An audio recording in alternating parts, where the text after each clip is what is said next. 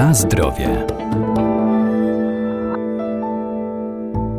Artykuły spożywcze, które kupujemy, są w odpowiedni sposób oznakowane. Na etykiecie muszą się znaleźć takie dane jak na przykład skład produktu, warunki przechowywania i terminy przydatności, dlatego należy je czytać, bo to dla nas cenne źródło informacji. To ważne także przy zakupie surowego mięsa czy wędlin.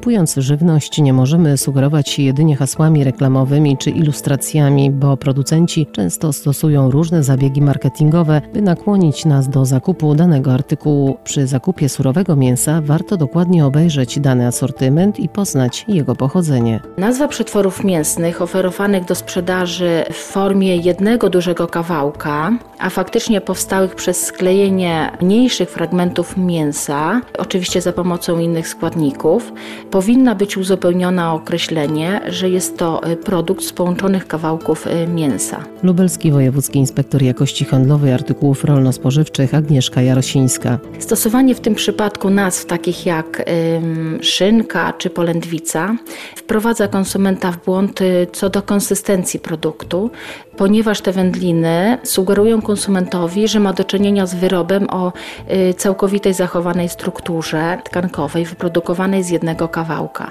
Świeże mięso natomiast nie może zawierać żadnych dodatków ani substancji dodatkowych i nie może być poddane żadnym procesom technologicznym, jedynie chłodzeniu i mrożeniu. Może być również pakowane próżniowo lub w atmosferze ochronnej. I na etykiecie mięsa świeżego musi być dodatkowo wyszczególniony kraj chowu i kraj uboju zwierząt bądź ptaków. Jeżeli natomiast zwierzęta są chowane i ubite w jednym kraju, to podaje się jedynie ten kraj jako pochodzenie. Na zdrowie.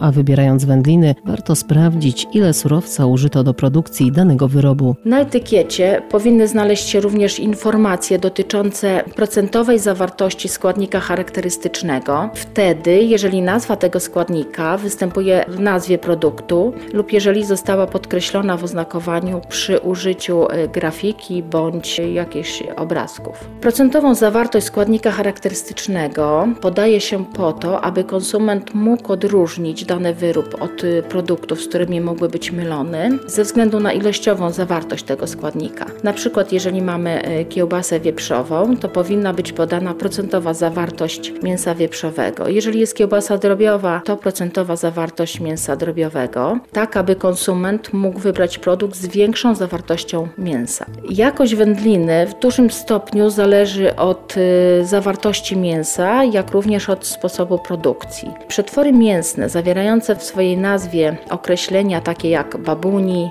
wiejski czy domowy, w swoim składzie nie mogą zawierać dozwolonych substancji dodatkowych, które w żaden sposób nie są wykorzystywane podczas ym, przygotowania takiej wędliny w warunkach domowych, przykład karageny, glutaminian sodu, polifosforany, barwniki, aromaty, jak również y, należy tutaj dodać mięso oddzielone mechanicznie. Zwracajmy również uwagę na różnego rodzaju dodatkowe zapisy, na przykład 100 g wyrobu wyprodukowano ze 130 g mięsa wieprzowego. To oznacza, że są to produkty o wysokiej zawartości tego mięsa.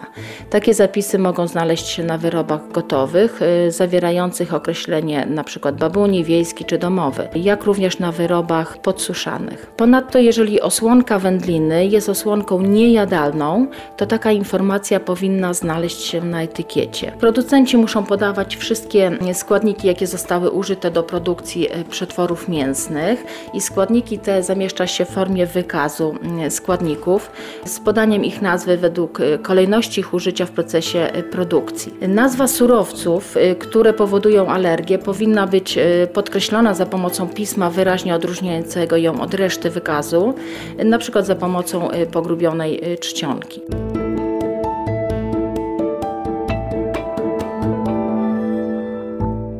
Jeżeli żywność okaże się nieświeża lub niezgodna z tym, co deklaruje na opakowaniu producent, zawsze przysługuje nam prawo do reklamacji. Składamy ją u sprzedawcy, a wszelkie nieprawidłowości co do jakości produktu lub jego oznakowania możemy zgłosić do Inspekcji Jakości Handlowej Artykułów Rolno-Spożywczych. Na zdrowie.